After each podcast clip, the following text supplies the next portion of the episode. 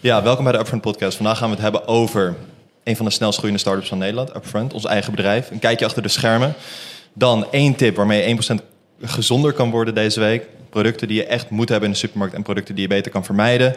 Een les die wij graag hadden willen leren op de middelbare school. Een controversieel idee uh, wat jullie geld gaat besparen. En uh, is vitamin water bullshit. Let's go. Heel nice. En voordat we beginnen, zie ik dat op onze audiomixer een knopje niet helemaal aangedraaid is, wat iets verder opengedraaid moet worden. Dus dat ga ik eerst even doen. Okay. Gelukkig praat je hard. Oké. Volgens mij kan je nu nog eens één keer iets zeggen. What, do you call two guys with a podcast? Unemployed. Oké, nice, nice, nice. We ja, zijn we terug? Zal ik dit even opnieuw doen of we good? Nee, nee, we good. Oké, okay, okay. uh, let's fucking mij, go. Je hebt mij vorige week geïnteroduceerd. Mm -hmm. Ik denk dat het... Uh, 2%. Uh, ik bedoel, twee minuten. twee minuten. Ik denk dat het dan vandaag aan mij is om jou te introduceren. Vandaag sta ik hier met de Climber of Mountains, a.k.a. de Sherpa, a.k.a. Mark de Boer. Yo, achternaam er nog bij. um, ja, we zijn dus uh, de laatste tijd... Uh, zijn we elkaar, niet alleen Mark en ik, maar geven elkaar wat meer bijnaam hier op kantoor. Mm -hmm. Naarmate je langer met elkaar werkt. Ik weet niet, dat gebeurt toch eigenlijk altijd een beetje automatisch. De dictator, snelle, om er maar een paar te noemen. Uh, en zo ook uh, Mark de Sherpa. Nou, nu denk je waarschijnlijk allereerst, wat is een Sherpa en waarom zou Mark zo heten? Een Sherpa zijn, uh, ja, is eigenlijk de naam voor de personen die bij van die bergtocht in bijvoorbeeld de Himalaya de, de tassen dragen van ja, vaak de mensen die de, de berg aan het beklimmen zijn. Dus die mensen die de berg aan het beklimmen zijn, je ziet dan altijd hele heldhaftige foto's van hun, hoe ze aan een touw die berg aan het opklimmen zijn. Maar wat je niet ziet, is dat dus de Sherpa's daarvoor lopen met allemaal koffers op hun rug. En Classic. nou, waarom heet Mark nou de Sherpa? Dat is omdat Mark sinds een aantal maanden nieuwe schoenen heeft. en dat zijn bergschoenen. Het is, een, het, is een, het is een unieke look. Het is een look waarvan ik niet had verwacht dat hij eindeloos stand zou houden. Maar hier zijn we. Uh, nou, misschien is het wel een half jaar later en ze zijn er nog steeds. Ze zijn er al zo lang dat ik ze een nieuwe naam heb gegeven. Dus Mark is de Sherpa en de schoenen heten The Boys. oh, stop. Oh. Oké, oké, oké, oké, oké. Dus ik dacht misschien, Mark, kan jij de luisteraars even wat extra context geven ja, over de boys? Ik, ik kan de boys ook wel even laten zien. Oh, nice, pak de boys er even bij. Hier zijn ze, de boys. I can't believe this. Ja, dit zijn ze dus. Hiermee kun je dus gewoon eigenlijk elk terrein kan je, kan je dominaten. Je bent die, die vier, vier keer vier. ja, zo voel ik me ook een beetje. Nee, maar uh, dit, is, dit is groot taboe in Nederland. Maar uh, ik weet niet, ze zijn wel comfy. Mm -hmm. Ja. Iowa. Wel, wel, um, ja, wat ik zeg, elk terrein kan hiermee veroverd worden. nice. Ja, let's, let's, let's jump right into it. Um, ik denk dat we even een update moeten geven over, uh, over de afgelopen week. 100%. En er is veel, veel, veel te vertellen ja. in Upfront land. Dus eh, zullen we beginnen met gorillas? Of uh, wat heb jij een beetje voor ogen? Um, ja, ik, ik heb iets anders uh, voor ogen. Over, eigenlijk over de doelen die we vorig weekend hebben gezet. Maar laten we eerst even beginnen met gorillas. Want dat is natuurlijk nu echt actueel. Maar dan word ik wel weer negatief. Oh shit, oké. Okay. nee, nee, nee, nee, nee. Dat, dat, dat, dat gaat niet gebeuren. Kom, komt goed. Laten we beginnen met gorillas. Ja, uh, wat een gezeik. Gezeik? Oh. Mag, mag, okay, ik, mag nee. ik het inleiden? Dan ja, mag tuurlijk, jij, dan mag jij reageren. Want als jij al begint met wat een gezeik, dan, moet ik het even, dan, dan ga ik het even anders insteken. um, Oké, okay, dus we hebben altijd gezegd... Um, prioriteit nummer één is een stabiele business uh, bouwen online. Via upfront.nl. Want als we straks afhankelijk worden van andere partijen om onze distributie van onze producten te gaan doen, dat betekent dat we gewoon ja, eigenlijk een hele fragiele business hebben. Dan hoeft die partner maar te zeggen van hé hey jongens, uh, dit op social vond ik niet nice. Jullie liggen eruit en dan zijn we gewoon een deel van onze afzet kwijt. En daar heb je wel zeg maar op ingekocht en daar heb je ook, uh, je, rekent gewoon op die omzet die dat afzetkanaal genereert. Maar we hebben besloten om een aantal pilots te gaan doen. Uh, dus een aantal ja, testen met verschillende afzetkanalen. Waarvan eentje dus Gorillas is. Voor de mensen die het niet kennen, Gorillas, uh, flitsbezorger. Uh, ja, van die snelle mensen op de fiets, waardoor je boodschap binnen 10 minuten bij jou thuis bezorgd worden. En um, ja, sinds gisteren zijn we verkrijgbaar via Gorillas. En ondanks dat het echt een enorm gezeik was om um, ja, beschikbaar te komen via Gorillas. Je zou het misschien niet zeggen, maar die organisatie is niet de meest gestructureerde organisatie waar ik ooit mee heb gewerkt. Uh, of eigenlijk waar Sophie ooit mee heeft gewerkt. Uh, maar we liggen er. En uh, ik moet zeggen, ik was eigenlijk ontzettend verbaasd over de reacties van onze volgers erover. Ik bedoel, iedereen was ontzettend hyped. En ik denk dat jij vooral nu refereert naar de negatieve reacties. Mhm. Ehm, maar ik was eigenlijk verbaasd dat mensen daar zo eh, onder de indruk van waren. Want ik vind zelf dat wij wel coolere dingen hebben gedaan dan nu deze deal met Gorilla's. Maar dit is blijkbaar echt... Het ding. Ja, het ding voor mensen. Ja, ja, nee, dat is waar. Voor, voor alle zeg maar 100 comments die positief waren, is er dan misschien één die negatief is. Ja. Maar ja, ik weet niet, ik storm me daar dan altijd aan. Best wel, best wel sad en pathetic eigenlijk voor mij. Maar waarom blijft dat dan, zeg maar, waarom is dat wat je dan het diepst raakt? Mm, ja, goede vraag. Ja, ik weet niet, je bent altijd zeg maar op zoek naar, naar iets misschien, weet je wel. En het was niet zeg maar 1 op de 100. Het was echt best wel, best wel wat, tenminste wat ik allemaal heb gelezen. En eh, best wel vaak, oké, misschien is dit het punt, oké? Best wel vaak dan posten we iets, toch? En dan, eh, of nou best wel vaak, het is voorgekomen dat we iets posten en dan achteraf zitten van... Ja, oké, dit is misschien niet helemaal waar of we moeten het iets aanpassen. En dan komen we er altijd op terug. En altijd komt er ook zeg maar een apology vanuit ons. En eh, ehm, vertellen we hoe we dit in de toekomst gaan vermijden. En daarom gebeurt het ook steeds minder eigenlijk. Ehm, maar in dit geval ben ik het gewoon echt niet met de kritiek eens. En ik wil me dan ook gewoon, ik, ik wil dan niet dat maar gewoon laten gebeuren. En ik wil dan niet dat die comments zeg maar eh, onbeantwoord gaan. Want ik ben het er gewoon echt niet mee eens. En we zijn upfront. Ik, ja, ik wil gewoon ook een tegenwoord kunnen geven. Ehm, ook al wordt dat van bedrijven tegenwoordig helemaal niet verwacht. En dus daar, dus daar ging het me een beetje om. Maar ik vind het wel grappig dat je dit zegt, want gisteren toen je reageerde op de eerste negatieve reactie, toen schoot je eigenlijk wel meteen in de verontschuldigende modus. Nou, ik zei gewoon dat flitsbezorgers gewoon niet populair zijn. Maar dat weet ik ook wel. Zeg maar, dat wisten we denk ik van tevoren ook wel. Nou, tenminste, volgens mij verbaasde het Sof nog wel dat, dat er zoveel zeg maar, negativiteit over was. Ja? Maar ik weet dat in Amsterdam dat flitsbezorgers gewoon echt niet populair zijn. Mhm. Dat mensen er echt een hekel aan hebben. Ehm, maar ja, dan worden er zeg maar termen worden gebruikt zoals eh, maatschappelijke verantwoordelijkheid. En dan zit ik al toch al gauw van ja, dan gooi je gewoon maar iets op, weet je wel.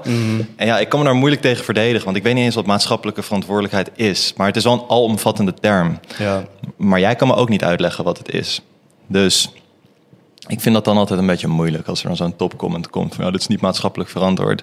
Ja. Ja, maar ja, je tikt het wel vanaf je iPhone achter je IKEA-bureau in je Nike's, weet je wel? Ja. En dus wat is niet maatschappelijk verantwoord? Dat mensen snel hun boodschappen krijgen, dat gezinnen met kinderen die misschien hun kinderen van de crash moeten halen, dat, dat, dat die tijd kunnen besparen, is dat dan niet maatschappelijk verantwoord? Ja. Eh, iedereen heeft het steeds over duurzaamheid. Sorry, ik ben een beetje on een tangent hoor. Maar iedereen heeft het steeds over duurzaamheid. Nu is er een bezorger die eigenlijk gewoon 100% elektrisch gaat. En dan is het niet maatschappelijk verantwoord.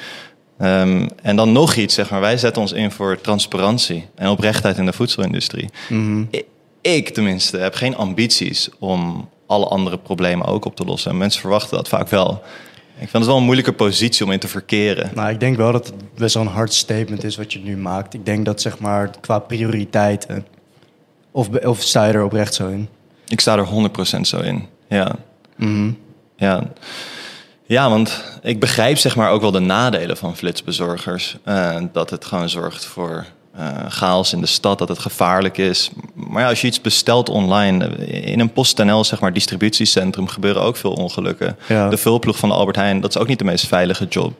Dus ik vind het een beetje zeg maar ehm, cherrypicking of een beetje hypocriet dat mensen dan van achter hun telefoon dat maar gewoon erin gooien en niet uitleggen ook wat ze bedoelen. Want Ja. het is gewoon ja, het is niet maatschappelijk verantwoord. Ja. Weet je wel, ik vind dat zo lastig, want wat is wel maatschappelijk verantwoord? Ja, maar ja, goed, dat is iets wat we wel vaker terug zien komen. Dan bijvoorbeeld nu, eh, volgens mij waren flitsbezorgers laatst negatief in het nieuws, of in ieder geval een tijdje. En dan is dat iets wat blijft hangen. Ja. En eh, ja, dat gebruiken mensen dan zeg maar als, als, als eh, ammunition Ja. om, om gewoon op Jan en Alleman te gooien. Ja.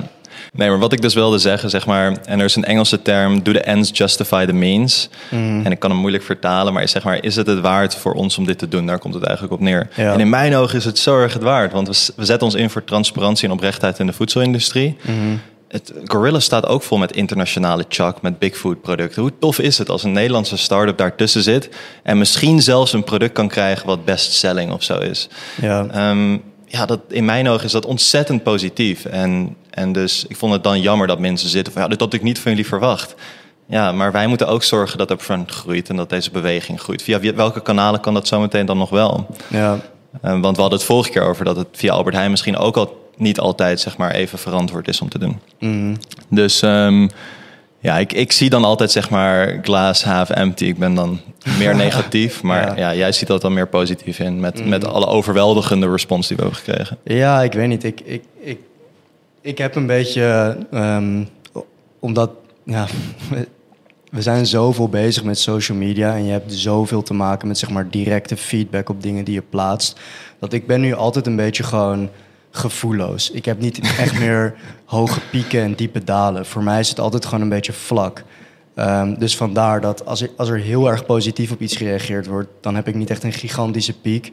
Maar daardoor ook als ik veel negativiteit krijg, dan is dat ook niet iets wat me echt heel lang heel erg bezighoudt. Voor mij is het gewoon iets van: oké, welke learnings trek ik hier uit en hoe ga ik dit eh, ja, toepassen in de toekomst? Mhm. Ja, nee, dat is misschien een betere insteek. Maar voor mij is dan welke learnings trekken we hier uit? Mhm. En ik, ik zie hier niet direct van oké, we gaan voortaan niet meer in zee met partijen zoals, zoals Gorillas. Want Nee, maar- voor mij is het meer van we moeten duidelijker maken misschien waar Upfront voor staat en waar we Mhm. voor strijden.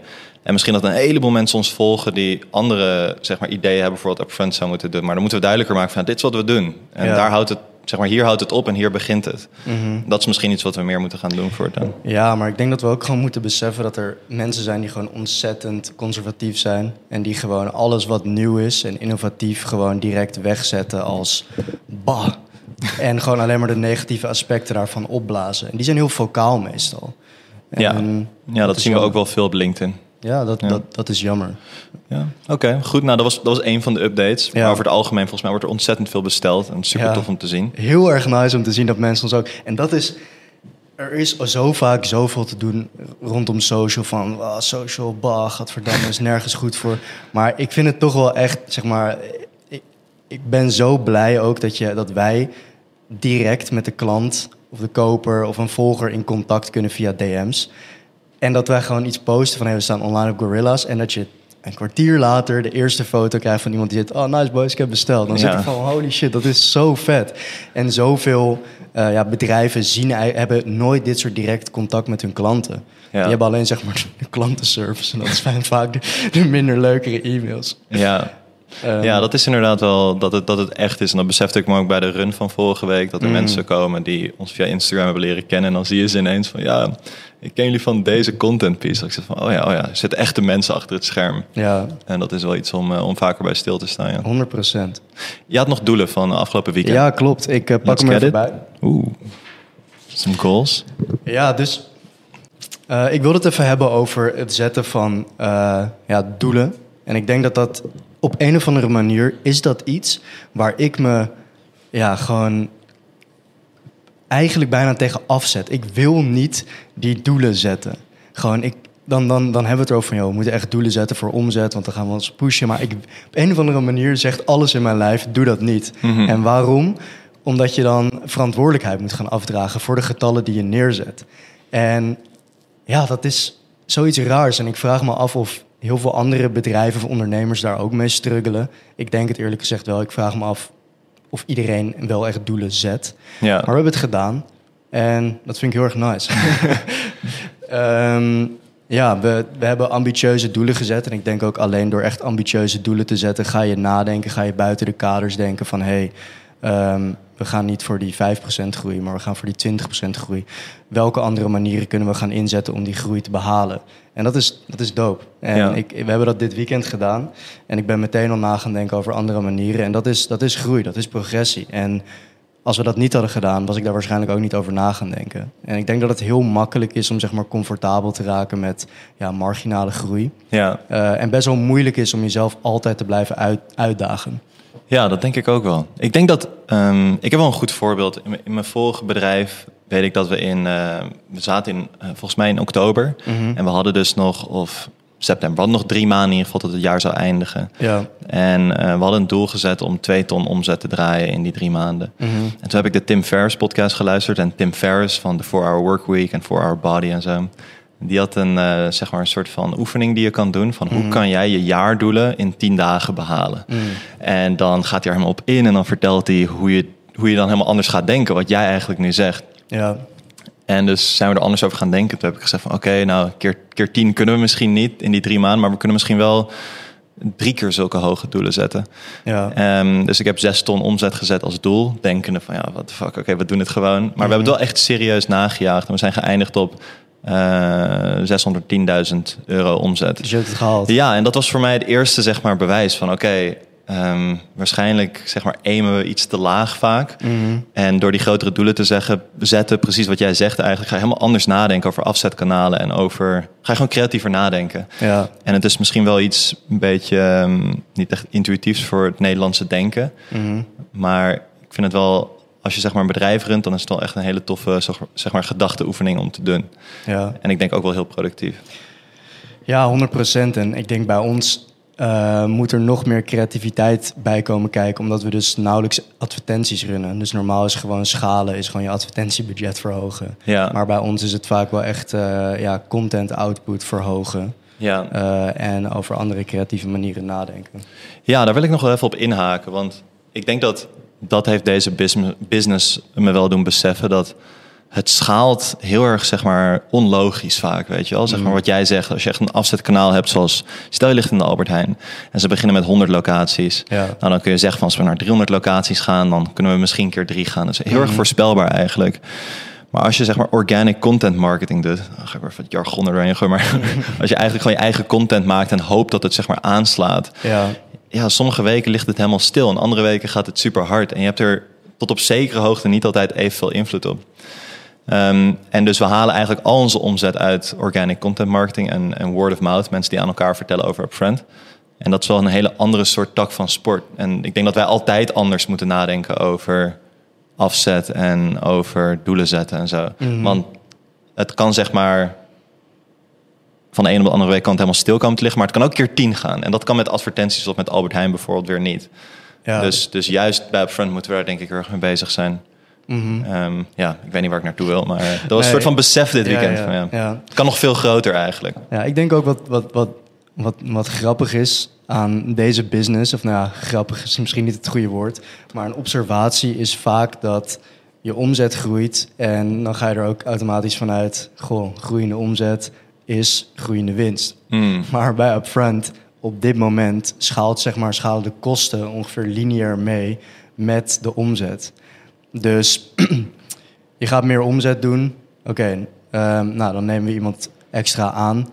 Oké, dan hebben we te weinig ruimte. Dan moeten we naar een ander kantoor. Ja. Leg- nemen we logistiek in eigen beheer. Moeten we nog iets extra's huren? Oh shit, we hebben een pompcar nodig voor logistiek. Eh, moet je een pompcar aanschaffen? Ja. En zeg maar, zo blijven er elke keer dingen bij komen. Ja. ja, op een gegeven moment verwacht je dat je zeg maar, met hetzelfde team, hetzelfde kantoor, dezelfde logistieke ruimte meer omzet kan gaan doen. Mhm. En vanaf dat moment gaat het heel erg hard, want we hebben eigenlijk alleen maar operationele kosten. Ja, We hebben eigenlijk geen advertentiekosten, waar de meeste bedrijven, voor de meeste zeg maar, ehm, e-commerce bedrijven is dat de grootste kostenpost. ja, En we hebben die kostenpost eigenlijk helemaal niet. Dus het kan ook heel snel omslaan van de een op de andere maand. ja precies. Maar, ja, dan moet je dus meer output gaan leveren met hetzelfde team. Ja. En dat hangt dan vooral bij marketing af van creativiteit, denk ik. Mhm. Ja, maar op dit moment schaalt het nog mee. Ja, ja, helaas wel. Ik verbaas me daar ook over. Ja. Dan kunnen we niet twee keer zoveel doen, maar dan blijkt dat gewoon best wel moeilijk te zijn. ja. Alright, Let's continue. Oké, let's continue. ik kijk even of we nog recorder. Trouwens. Zeker weten. Ja, oké. Ik, wa- ik wil nog één kleine bedrijfsupdate doen. En dat is meer een observatie die ik heb gedaan. Dus zoals we vorige week, eh, waar we het vorige week over hadden, is dat we een bloedglucoseonderzoek aan het doen zijn. Dus eh, wat voor een impact eh, onze eigen producten hebben op onze bloedsuikerspiegel. En bij dat onderzoek hoort dat je ja, gevast op kantoor moet komen. Dus we moeten hier allemaal op kantoor aankomen, mogen alleen water hebben gedronken, niks gegeten, geen koffie. Dan om 8 uur neem, eten we ons product en dan tot 10 uur doen we metingen. En na 10 uur zou je dan weer mogen eten en koffie mogen drinken. Maar wat ik zie, dus oké, de eerste wat achtergrondinformatie, ons koffiezetapparaat is kapot. En we hebben nu een, eh, ja, echt zo'n eh, zo'n oldschool koffiezetapparaat waarbij je koffie moet zetten echt. En om vijf voor tien beginnen de eerste mensen direct naar dat koffiezetapparaat te bewegen. En dan staan ze daar echt als een stel junkies, staan ze daar te wachten tot die koffie klaar is. En op stip tien uur gieten ze allemaal koffie naar binnen. Dat En- zag je net. ja, het was echt, ik heb het ook gefilmd. Het was echt belachelijk. Oh, ik hoorde jullie lachen. Ik, ik zag het dus vorige week ook al. En toen dacht ik gewoon echt van... Jezus, wat, wat zijn we geworden? We leken wel echt een soort van uh, ja, robots gewoon... Die, die, die bij moesten tanken. Dus dat heeft me aan het denken gezet. En ook naar aanleiding van jouw stuk vorige week... over wat er met je gebeurde als je geen cafeïne dronk. Van weet je wat? Ik ga even stoppen cold turkey met cafeïne drinken. Oeh. Uh, want ik vertelde vorige keer dat ik helemaal geen bijeffecten er, ervaarde. Nou, zaterdag heb ik mijn laatste kopje gedronken. En gisteren, uh, was maandag, vandaag dinsdag. Gisteren was echt een verschrikkelijke dag. Hmm. Ik ben zelden zo vaag in mijn hoofd geweest als gisteren. Dat is Hmm. echt niet normaal. Um, dus dat is een. En, en, vandaag is het wel gelukkig een stuk beter. Maar gisteren, wat the fuck, alsof ik gewoon half aan het dromen was. En ik merkte echt dat mijn lichaam echt verlangde naar die cafeïne. Ja, ja, dat is precies waar we het vorige week dus over hebben gehad. Mm -hmm. En ik denk dat mijn statement was toen een beetje extreem. Ja. Maar het, ja, het, is, het, het is een verslaving. Ja. En het is tof dat je het probeert, want uh, ja... Ja, 100%. Maar wat ik dus wel merk... Dus die pre-workout, pre-workout is ook niet nodig? Ja, er staat hier dus een pre-workout ja. op tafel, maar die ga ik absoluut niet drinken. Helaas. Ik zie dat jij al de helft uh, hebt ja, let's go. Um, maar wat ik dus wel merk, en dat is echt, echt een, een verschil van dag en nacht, is mijn slaap. What the fuck. Hmm. Het is niet normaal.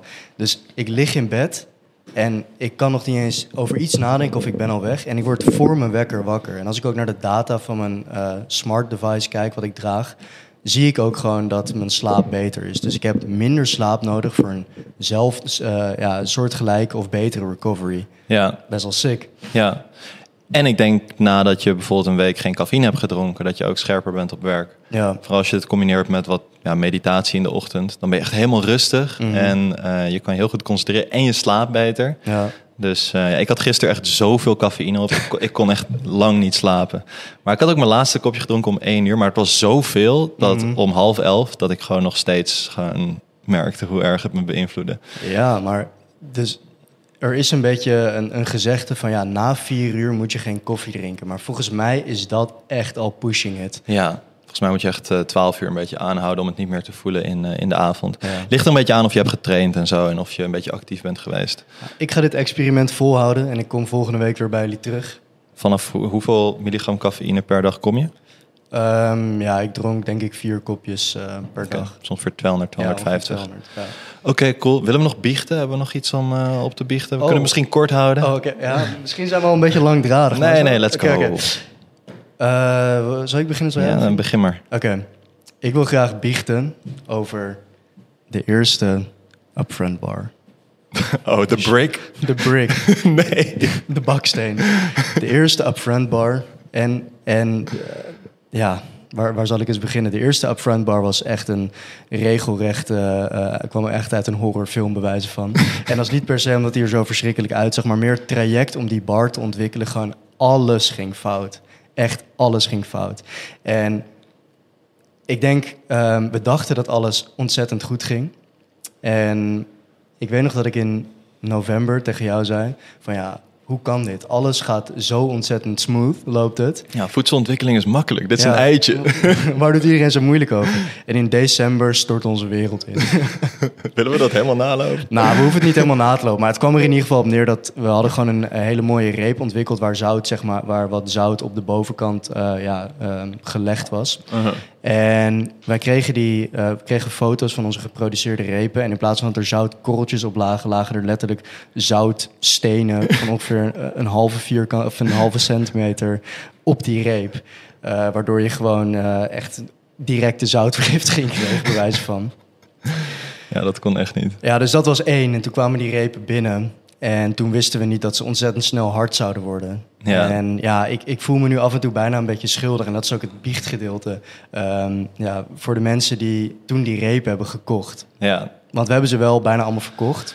Ja, ik denk dat wat het toen was, was dat die ene badge helemaal niet goed was. Dus we Mhm. hebben opnieuw geproduceerd. En die badge was de eerste twee weken echt geweldig. Maar daarna ging die heel snel achteruit. En de meeste bars hebben wel in die periode verkocht. Maar mensen kochten er, kochten er 18. Dus dan weet je waren ze al misschien een maand verder. Mhm. Maar ja, op een gegeven moment... Maar ja, wat doe je, weet je? Je hebt al je geld geïnvesteerd in deze badge. En dan Ja. worden ze na een paar weken hard. Terwijl je uit was gegaan van 12 maanden. Mhm. Dus dat was echt gewoon een... We echt een nervous breakdown die maanden. Ja. Maar ja, ik begrijp wat je bedoelt. We hadden het misschien eerder moeten stoppen al. Mijn vriendin, weet niet of je dit ooit hebt verteld, heeft, heeft een stuk van haar tand afgebroken op mijn eigen reep. Oh no, Ja, dat meen je niet. ja, maar dat was al echt al maanden later. Toen, Ja. toen we hem echt al lang niet meer verkochten. Toen, toen, toen pakten ze er nog eens. Dat was van, oh, sweet, een bar. Tja. En eh, daar ging het verkeerd. Dus ja, eh, verschrikkelijk. Ik weet ook nog toen destijds eh, verkochten we vooral ehm, via gyms en hogescholen, Oh, ja. unies. En toen ging ik zeg maar langs bij die plekken om die reep te verkopen. En ik weet nog, dus ik wist al donders goed dat die repen niet waren wat, wat het zou moeten zijn. En dan ging ik daar langs en dan deed ik een pitch. En bij die pitch speelde ik gewoon heel erg in op hun emoties. Van ja, jonge ondernemer, Rotterdam, dit, dat. En dan dachten zij meestal wel van... Oké, weet je wat, ik probeer het gewoon. En ik zat altijd in mijn hoofd, please, eet die reep niet nu. Please, probeer hem zelf niet. en dan hoopte ik altijd dat zij die bar gewoon daar neer zouden leggen... zonder dat ze hem zelf hadden geprobeerd.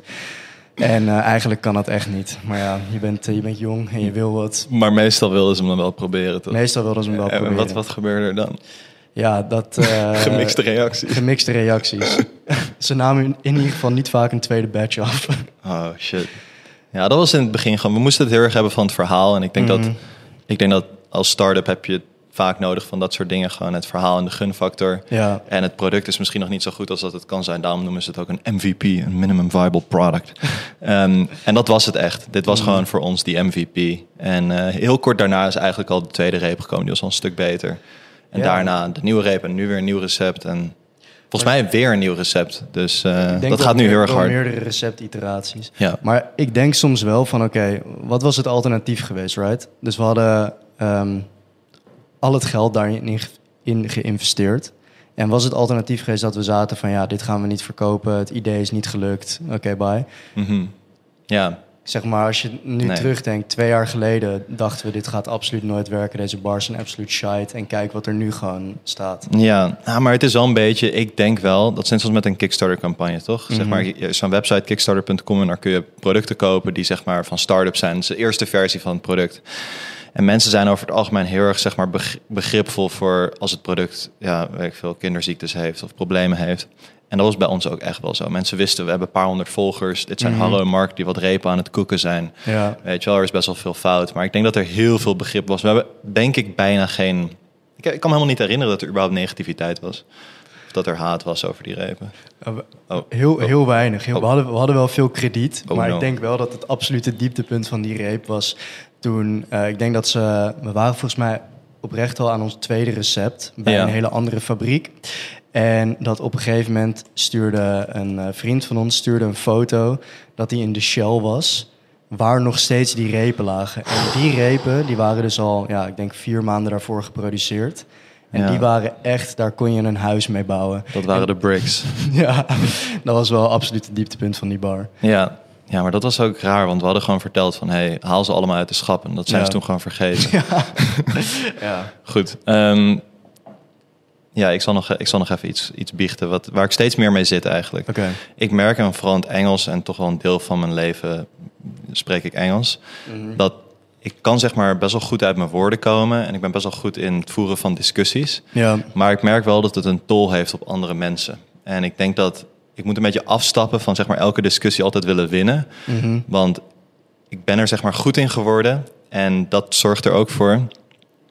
Dat zorgt er ook voor dat, ehm, dat ik vaak zeg maar eh, een discussie snel kan beëindigen en me gelijk kan krijgen. Maar niet echt meer stilsta bij oké, heeft deze persoon een punt gehad? En daar gaat het eigenlijk alleen maar om. Het gaat niet om mijn verdediging van mijn argumenten. Ja. Eh, ik, ik moet eigenlijk eerst begrijpen wat iemand anders bedoelt. En ik, ik merk gewoon dat ik veel te snel altijd in de, in de verdediging schiet. En veel te snel eigenlijk iemand own. En dan zit ik van, fuck ja, ik heb gewonnen. Maar ja, wat, zeg maar, van, je, van je vriendin kan je sowieso nooit een argument winnen. Mhm. En op werk moet je ook gewoon leren van mensen. En ik merk dat, dat ik daar gewoon nog heel veel te leren heb. Dat, dat ik veel beter moet luisteren en veel minder zeg maar, moet focussen op... hey, hoe kan ik me gelijk hier krijgen? Mhm. Want vaak heb ik helemaal niet gelijk. Dus eh, Ben je dan ook bewust bezig met zeg maar, de eerste dingen die in je opkomen onderdrukken? Het is niet per se onderdrukken. Het is meer dat, ja, misschien ook meer stilhou. Gewoon Ja. dat ik eerst even afwacht. Ja, misschien eigenlijk wel. Eh, kijk, daar ga je al. maar Maar, maar heb, je, heb je dan niet vaak dat als iemand begint te praten, dat je eigenlijk alleen maar aan het nadenken bent over je weerwoord? En dan op een gegeven moment weet je ongeveer wat je gaat zeggen. En dan de rest wat die persoon zegt is niet meer relevant. Want je weet toch wel wat je gaat antwoorden. Ja, en dan, en dan is er nog zeg maar misschien een paar minuten aan, aan punten die gemaakt worden. Maar ik heb me al gefocust op de eerste paar minuten van het Ja. gesprek. En dan antwoord ik en dan zie ik ook vaak van ja, huh, maar ik was al veel verder. En weet je wel, we moved on already. Mhm. Maar dan wil ik nog mijn gelijk krijgen of zo. En ik merk dat dat echt geen goede... Zeg maar, misschien dat het binnen grote bedrijven wel kan werken. Ja. Maar binnen startups ben je altijd, en dat is ook gewoon een van de belangrijkste lessen die we hier hebben geleerd. Je bent op zoek naar de beste ideeën. En je moet een omgeving creëren waar de beste ideeën zeg maar altijd kunnen winnen. En Mhm. op deze manier gebeurt dat niet. Ja. Want, want ik heb evenveel goede ideeën als wie dan ook op kantoor. Dus ik moet evenveel gehoord worden als de rest. Ja. Maar ik ben zeg maar ja, vocaal wat dominanter, denk ik. Dus dat, dus dat, dus dat is gewoon lastig, weet je je hebt ook nu wel een beetje die aggressive look. Met die- Ja, met daarom. Die, met die Oh. baard. Ja, dat komt er nog bij. En dan Maar- nog met de boys. maar ik denk, ik denk dat, eh, dat, zeg maar, dat je er zelf bij stilstaat, dat dat goed is. Toch? Thanks, thanks, thanks. Want als iemand anders het tegen je had gezegd, dan had je het waarschijnlijk weer legd. Ja, ik denk het wel. Ja. Als Ja. iemand anders naar me toe was, gewoon, ja, hij luistert niet. Dat ik zeg van, ja. Hoe, eh, als, als ik, ik ben wel benieuwd, hoe, hoe ben je erachter gekomen dat dit... eh, Mm, nou, ik denk vooral thuis. Zeg maar, mijn vriendin spreekt Engels. Ja. En mijn Engels is veel beter dan mijn Nederlands. Dus ik ben zo, zeg maar... Ik kan iemand zo, zeg maar, makkelijk... Denk ik, eh, een soort van disarmen of zo in het Ja, Engels. ja. En zij zei het tegen me van, ja, je luistert gewoon niet. zeg maar, ik, ik heb gewoon een punt, maar Mm. je, je bent gewoon veel beter met woorden. Je bent veel sneller. ja, En ik kan daar gewoon niet tegen opboksen. En toen zat ik van, ah, het deed wel pijn eerst. En ik Ja. Oh. ontkende het ook eerst echt. Maar je had er meteen weer gedisarmed. ja, ik zat gewoon gelijk van, gewoon dat is not true. That's not true. Eh, maar toen achteraf zat ik wel van, oh ja, ik ga altijd best wel hard tegenin als ik het ergens niet mee eens ben. Of als ik, als ik mijn mening heb. Mhm. Dus, ehm, dus op die manier eigenlijk. En toen Ja. merkte ik, toen ben ik erop gaan letten. En toen op werk doe ik het ook de hele tijd. Mhm.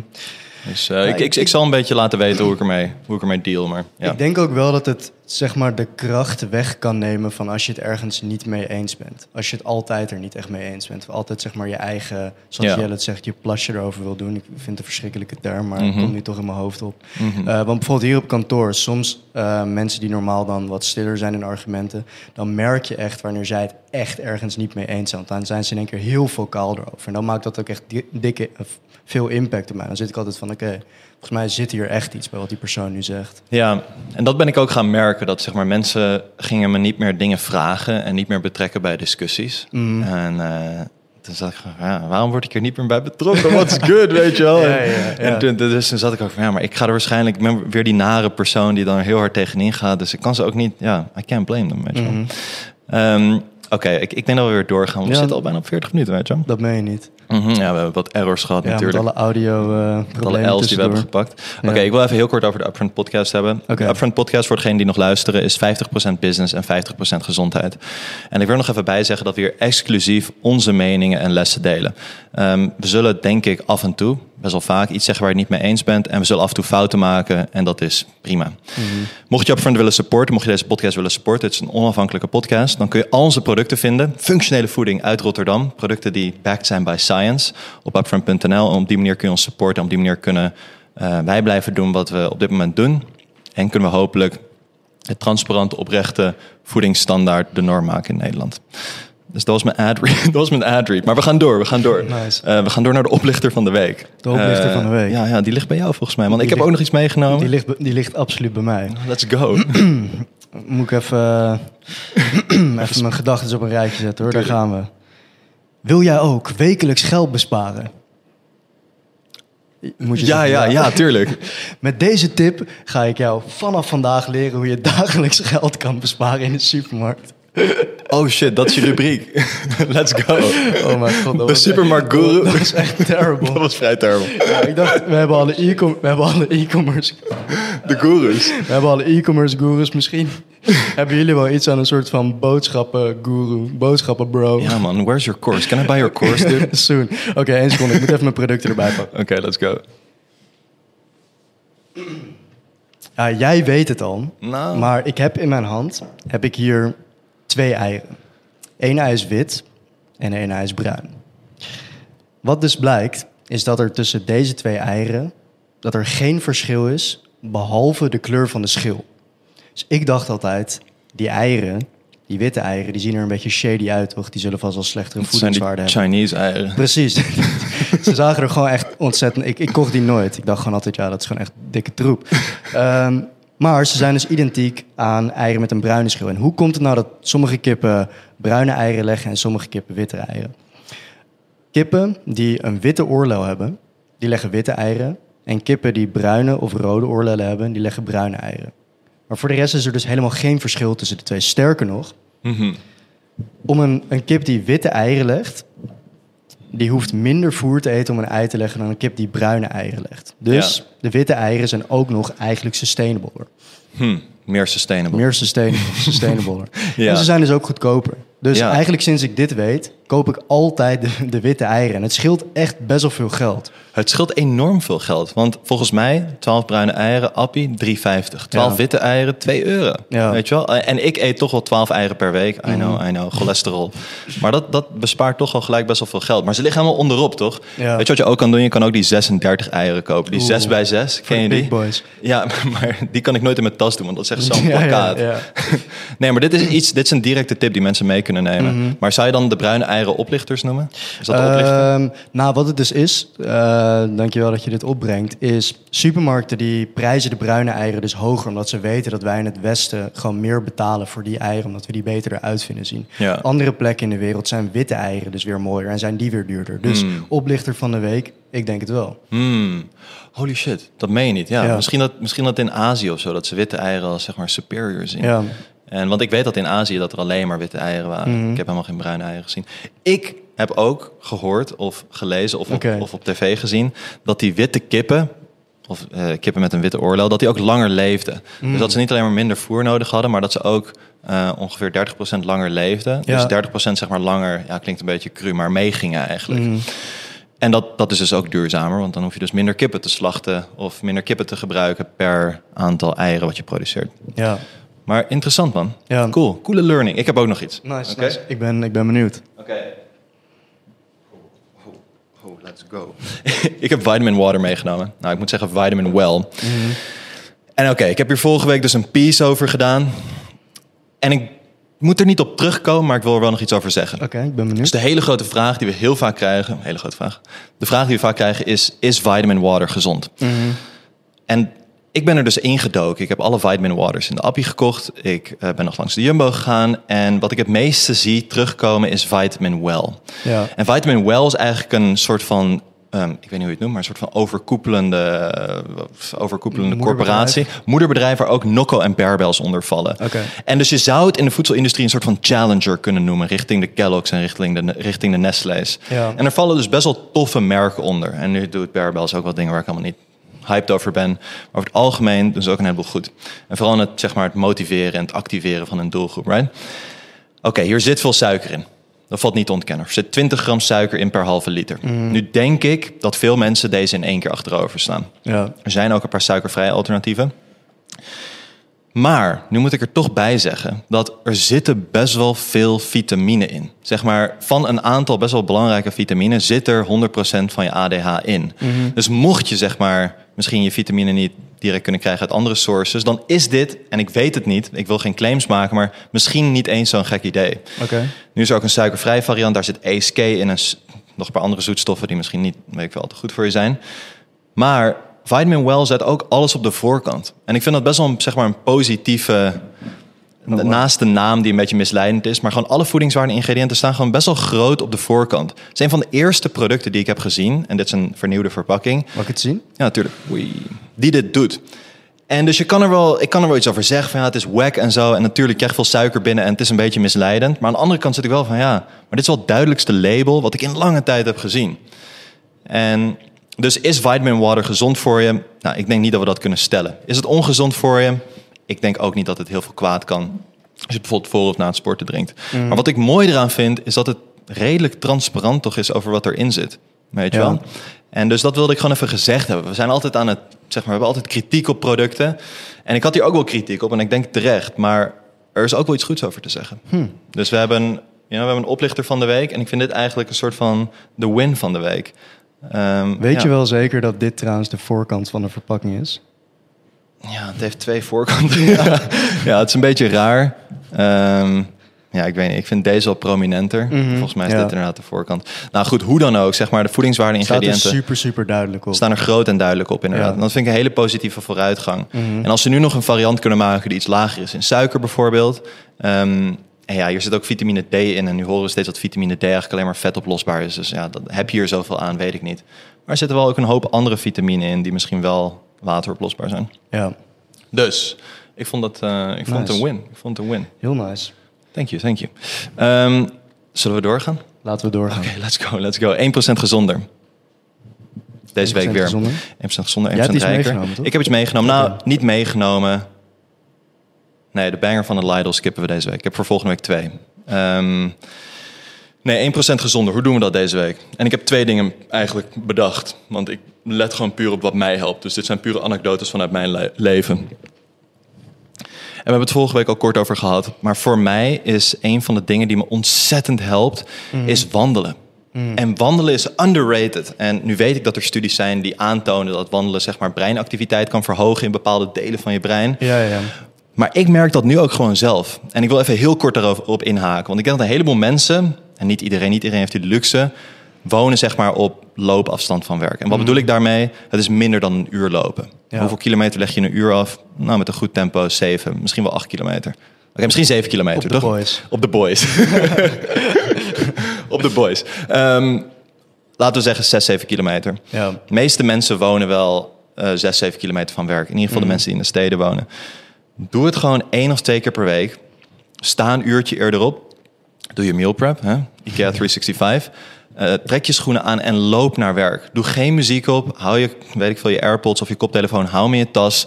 En loop gewoon eens naar werk. En het zal je verbazen, zeg maar, hoe zeg maar, geactiveerd je gedachten worden of zo, weet je wel. En tegen de tijd dat ik op werk aankom, heb ik al eigenlijk een beetje uitgevogeld wat ik tegen iedereen wil zeggen en wat ik wil doen en wat mijn echte prioriteiten nou zijn. Ja. En, het, en ik weet niet wat daar zit, maar bij wandelen zit iets. En het is zeg maar underrated.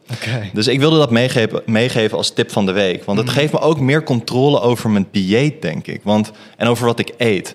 En nu zit ik niet op een dieet, maar gewoon wat ik eet eigenlijk. Omdat je daarover na kan denken. Ja, Oh, ik heb iets meer rust of zo. Normaal, oké, ik stap op de racefiets, race naar kantoor, kom bezweet aan. En het eerste wat ik misschien doe is, weet ik wel, iets pakken of zo, weet je wel.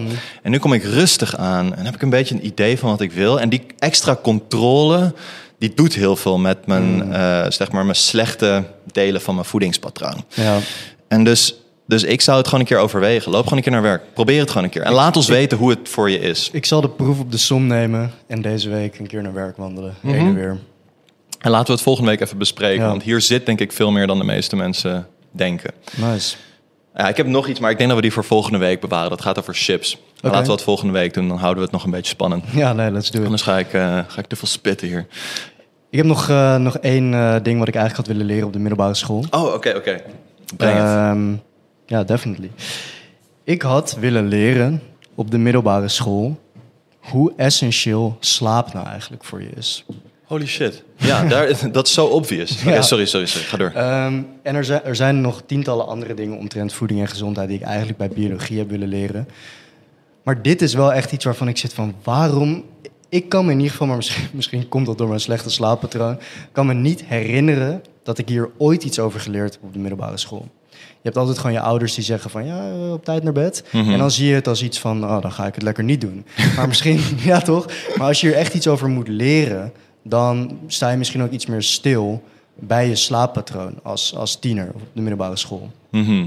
Ehm, ja, want het is heel erg belangrijk dat je, je melat het, op een gegeven moment als het, ehm, als het donker wordt, dan maakt je brein zorgt ervoor dat het hormoon melatonine aangemaakt wordt. Daardoor val je in slaap en kom je in remslaap. Maar doordat wij eigenlijk tot zo laat altijd op schermen zitten, krijgt je brein niet het signaal van hey, het is tijd om te slapen.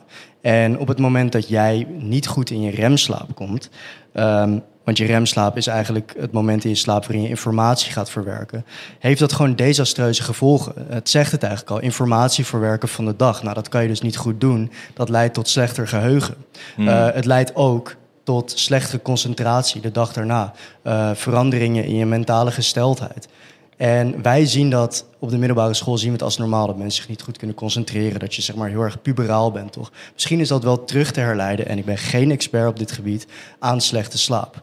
Daarnaast wij zien het als normaal als kinderen dat je ouders een fles wijnsoldaat maken tijdens het eten. Hmm. Alcohol zorgt ervoor dat je niet of nauwelijks in je remslaap komt. Mhm. Dat, en, en het klinkt weer heel erg salty, maar eigenlijk is dat helemaal niet normaal. En dat is iets wat je wel soort van aangeleerd krijgt. Ja. nee, ik zit, even, ik zit even alles te processen. Maar het is inderdaad raar dat dat... Want ik kan me ook niks daarover herinneren. Dat is iets Mhm. wat tijdens bio denk ik dan terug had moeten komen. Dat ze daar iets over hebben gehad. Maar dat ze daarover hebben gesproken. Maar ik vind het ook lastig. Want stel ze hadden dat wel gedaan. Denk je dat, denk je dat zeg maar, kinderen of pubers dan juist niet zeg maar, tegenovergestelde zouden doen? Net zoals dat bij de ouders gebeurt. En, en hoe denk je dat je dat dan zeg maar... Hoe denk je dat je mensen van 15, 16 misschien kan inspireren... om wat eerder naar bed te gaan? Nou, vind ik een goede vraag. En wat er meteen in mij, eh, binnen, wat mij meteen te binnen schiet, is vaak. Ik weet nog wel toen ik aan het studeren was, dat iemand op een gegeven moment tegen mij zei, die best wel zeg maar credible was, van eh, je kan eigenlijk veel beter minder laat doorstuderen. En dan wel gewoon gaan slapen. Want dan kan je, krijg je nog echt goede tijd om de informatie te verwerken. En dan onderzoek laat zien dat je dan beter presteert op je tentamen. Of in ieder geval meer hebt onthouden van wat je die dag hebt gestudeerd. Dan dat je Mm. eindeloos doorgaat tot diep in de nacht. Ja. En dan heel kort slaapt. En ja, dat is toch wel iets wat denk ik voor veel scholieren... wat voor hun dicht bij huis hit. Ja, Eh, want die zitten dan van oké, dus ik kan dan eigenlijk veel beter een lange nacht maken als ik beter wil scoren op mijn SO of mijn proefwerk de volgende dag. Dat leidt misschien tot meer urgentie om toch net iets eerder te beginnen met studeren. En misschien is dit wel heel, eh, heel erg wishful thinking, ja. maar ja ik, ik, ik denk het wel. Ik denk dat er zeg maar, grotere veranderingen plaats moeten vinden... die het weer cool maken om zeg maar, productief te worden. mhm, Eh, dat we in Nederland zeg maar, misschien een beetje te ver heen zijn. Ja. Maar ja, ik ben ook pessimist, dus misschien niet. eh. maar ik vind het, ik vind het eh, denk ik, de belangrijkste zeg maar, wat ik had willen leren op de middelbare school... die we tot nu toe hebben behandeld. mhm, Want als je dit niet goed hebt, zeg maar, de slaap of slaap is eigenlijk de fundering van alle andere dingen die je kan doen om gezonder te worden. ja. Als je slaap niet goed zit, dan kan je eigenlijk bijna niks, niks anders wel goed doen. mhm. Ehm, dus daar zou, daar zou het eigenlijk mee moeten beginnen, inderdaad. Ja, en slapen is voor veel mensen een gigantisch probleem op dit moment. Eh, Mensen die ik ken, die zitten standaard aan de melatonинepillen. Hmm. Dat is toch echt, dat is gewoon te gek voor woorden. En zeg maar, eh, veel mensen hebben gewoon slaapproblemen, maar ook veel mensen willen niet echt iets aan hun eigen gedrag doen. Wat ik net opnoemde met bijvoorbeeld tot laat op je telefoon zitten. Ja, Zelfs nog in je bed op je telefoon zitten is voor veel mensen gewoon de dagelijkse bezigheid. ik voel me aangesproken. Ja, maar misschien heb jij er niet zoveel last van. hè? Nee, iets minder denk ik. Maar ehm, ik ken ook wel mensen die er echt mee kampen. Ik heb er soms ook wel last van. Hoor. Ja, Oké, alright. We, gaan nog, we hebben nog één laatste rubriek. één laatste ja, rubriek? let's go, let's go. ik ben benieuwd. Dit is een nieuwe rubriek, toch? Ja, ja, we hebben nog 10 minuten. Dus, eh, ja, nou, ik wil eigenlijk elke week. Want waarom luister je naar de Upfront podcast? Nou, ik hoop dus dat je op een gegeven moment in dat patroon komt van elke week 1% gezonder worden. Mhm. Ehm, maar ik wil ook mensen zeg maar, aan het denken zetten. En daarom zei ik net ook, we zullen een hoop dingen zeggen waar je het misschien niet mee eens bent. En dus vorige week heb ik het gehad over water. En ik heb de vraag gesteld van, is er een limiet aan de hoeveelheid water die je kan drinken iedere dag? Mhm. En vanaf welk moment is het niet meer, niet meer gezond eigenlijk, toch? Ja. Ehm, dus ik ben er een beetje ingedoken en ik zat fout. Ik kon geen enkel bewijs vinden dat ehm, zeg maar meer water drinken dan die 2 liter. En dan moeten we niet Mhm. boven de 6 liter gaan zitten, want dan had het pas nadelige gevolgen.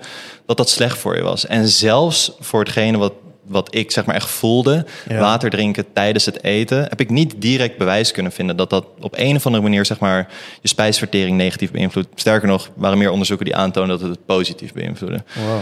Dus ik zat fout.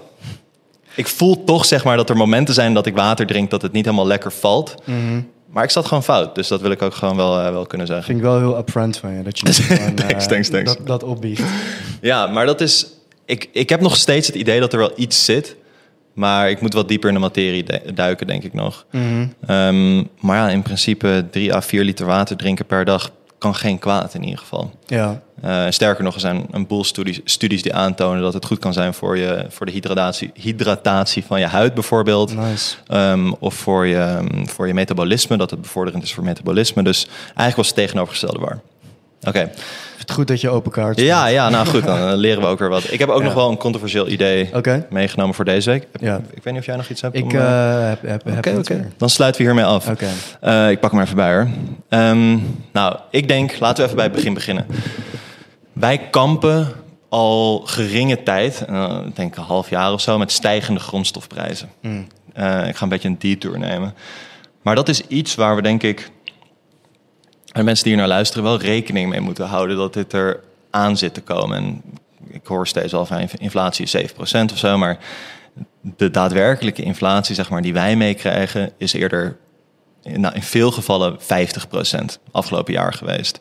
En dit jaar gaat het nog veel harder. En we rekenen dat niet allemaal door in de prijzen. En zo rekent de fabriek het ook niet door in de prijzen naar ons toe. Mhm. Maar dat is wel echt iets om rekening mee te houden. En is ook een beetje scary, weet je wel. Want wij zien hoeveel de prijs stijgt van wij-eiwit, van creatine, van Ja. vegan eiwitten, van eh, vitaminepillen. Mhm. Ehm, en dus ik ben, ik ben heel erg voor mezelf nagegaan, zeg maar, oké, waar kan ik geld besparen? En ik weet dat geld misschien niet het beste is om nu te hebben, maar oké, in ieder geval dat ik in ieder geval wat geld bespaar. Dus het eerste was dat ik wekelijks boodschappen doe bij de Lidl. Eén keer per week op zondag. Ik doe al mijn boodschappen bij de Lidl. En ik kom eigenlijk mm, altijd wel uit onder de 75 euro. En dan heb ik, hoef ik eigenlijk niet meer naar de supermarkt de hele week. Wat best wel gestoord is. Lidl is echt heel erg cheap. En het tweede, maar dit is wel echt een controversieel idee, denk ik. Is dat ik niet meer naar de kapper ga. Wat? ja, I know, I know. Hear me out, hear me out. Dus ik zat heel erg in de soort van routine afgelopen paar jaar dat ik wel echt elke maand naar de kapper ging. En ik Ja. weet dat veel mannen doen dat niet. Maar ik deed het wel. En ik, elke maand dokte ik wel die 30 euro. Het was echt een best wel hoog bedrag, best wel embarrassing. Dus wat is dat? Dat is bijna 400 euro per jaar die je uitgeeft aan de kapper. Oké, nou stel we snijden dat door de helft, weet je wel. Dan zitten we alsnog op 200 euro per jaar die we uitgeven aan de kapper.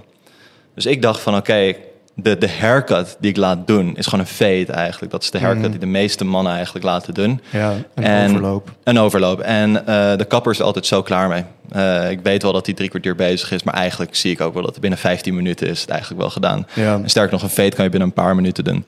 Dus ik heb gewoon een tondeuze gekocht. Mhm. En ik vraag tegenwoordig gewoon aan mijn vriendin om het te veden. En dit is een paar weken geleden, dus ik, eh, ik moet even volgende week... dan kunnen jullie zien hoe het eruit ziet als het, als het net gedaan is. Ja. En elke maand wordt er iets beter in. En elke maand bespaar ik gewoon weer die 30 euro.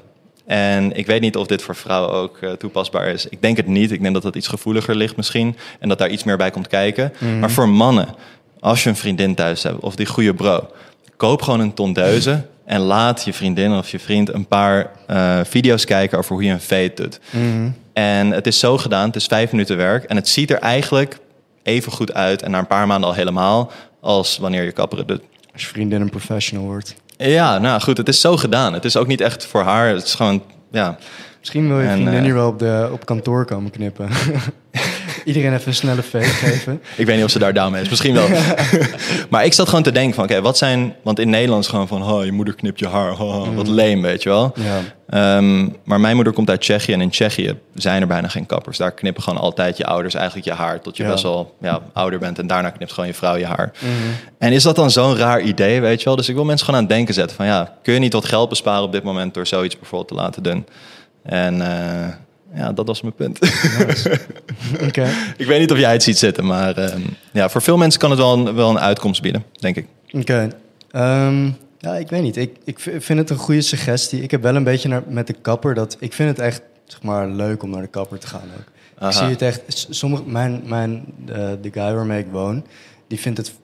Ja, die vindt het altijd wel een vrij grote opgave om naar de kapper te gaan. Niet per se omdat hij de kapper niet nice vindt, maar gewoon omdat hij daar moet zitten voor drie kwartier. Maar ik kan er altijd best wel naar uitkijken. Gewoon Ja. eh, nice, eh, even een beetje chit-chatten met de, met de barber. En eh, ja, ik vind dat het gewoon een nice uitstapje. Ja, nou in dat geval is het hele argument zeg maar invalide. Maar, Maar als je eh, geld wil besparen, dan is het iets anders. Ja, misschien dan. En ik spreek voor mezelf, maar ik vind naar de kapper gaan echt eh, niet relaxed. Nee? Dus, eh, nee, ik, ik vind het echt absoluut geen uitje. Oké. Hij is echt gewoon die marteling dat ik daar moet zitten. En dat ik small talk moet, met iemand moet doen die, die tien keer per dag die small talk houdt. Ja, ja, en ja. die gewoon, eh, ja, I don't know. Ik ga daar niet zo goed op. Maar goed, dat ben ik. Dat ben ik. Nice. Ehm, thanks voor het luisteren weer. We hopen dat jullie, eh, ja, het zit er weer op. Dat jullie 1% gezonder zijn geworden dankzij de tips die we jullie hebben gegeven. En eh, misschien ook, ja, als we zo doorgaan, dan eh, houden jullie straks aan het einde van elke maand ook meer geld op je bankrekening over. Ja, ja, Wordt vol- een- het wordt een hele andere podcast zo. Geld besparen podcast. Geld. Vorige week Lidl, deze week Kapper. Ehm, oh ja, natuurlijk. Holy shit.